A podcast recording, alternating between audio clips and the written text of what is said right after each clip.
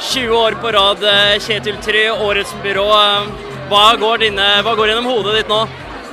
Eh, nå er jeg akkurat ferdig med det amerikanske valget. Jeg satt åpen våken hele natt. Så jeg har ikke fått eh, Jeg har liksom ikke fått jeg, Jeg gruer meg aldri til dette, men det er, jo, det er jo veldig spennende. Det er klart 20 år.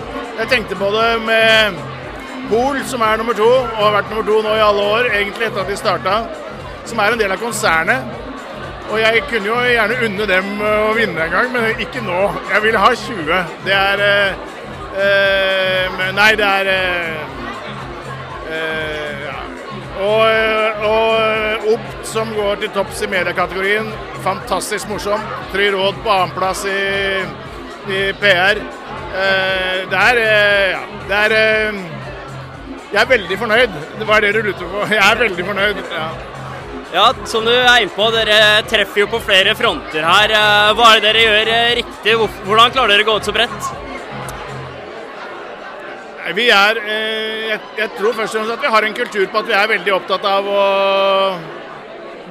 ansette flinke folk. Og vi er et sted, sier andre undersøkelser, hvor det er veldig mange som har lyst til å jobbe.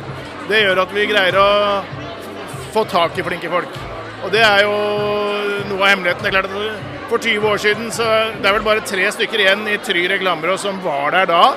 Det kommer stadig nye folk, men det kommer flinke folk. Og noen av dem er i andre byråer i dag. Men det er det å I den bransjen vi er, så handler det jo veldig mye om det. Du må ha tak i flinke mennesker, og så må du få de til å fungere. Og så må de trives, ellers så slutter de. Og det er, det er ikke vanskeligere. Try reklame.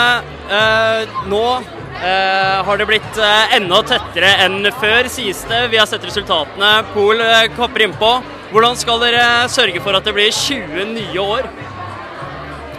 Ja, det, det er, Jeg er 63, så jeg, jeg, føler at jeg kan ikke ta ansvar for alle de 20. Kanskje de første ti. Men